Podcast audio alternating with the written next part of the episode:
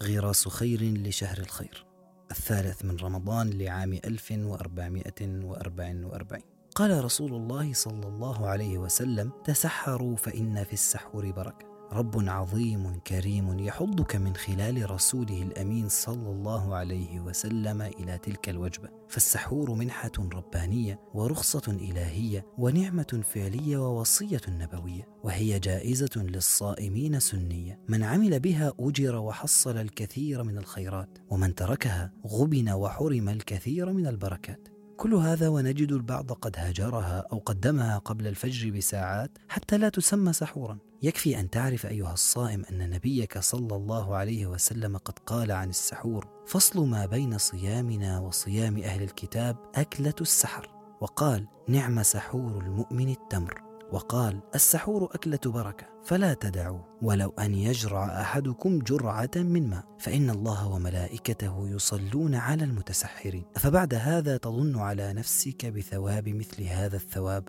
وتبخل عليها باتباع سنة عظيمة عن النبي صلى الله عليه وسلم. وتحرمها عظيم الحسنات في شهر الخير والبركات. فطوبى لمن امتثل أمر نبيه صلى الله عليه وسلم ونوى بالسحور الاقتداء والتقوي به على حسن الأداء. اللهم اعف عنا وارحمنا واغفر لنا وتقبل منا.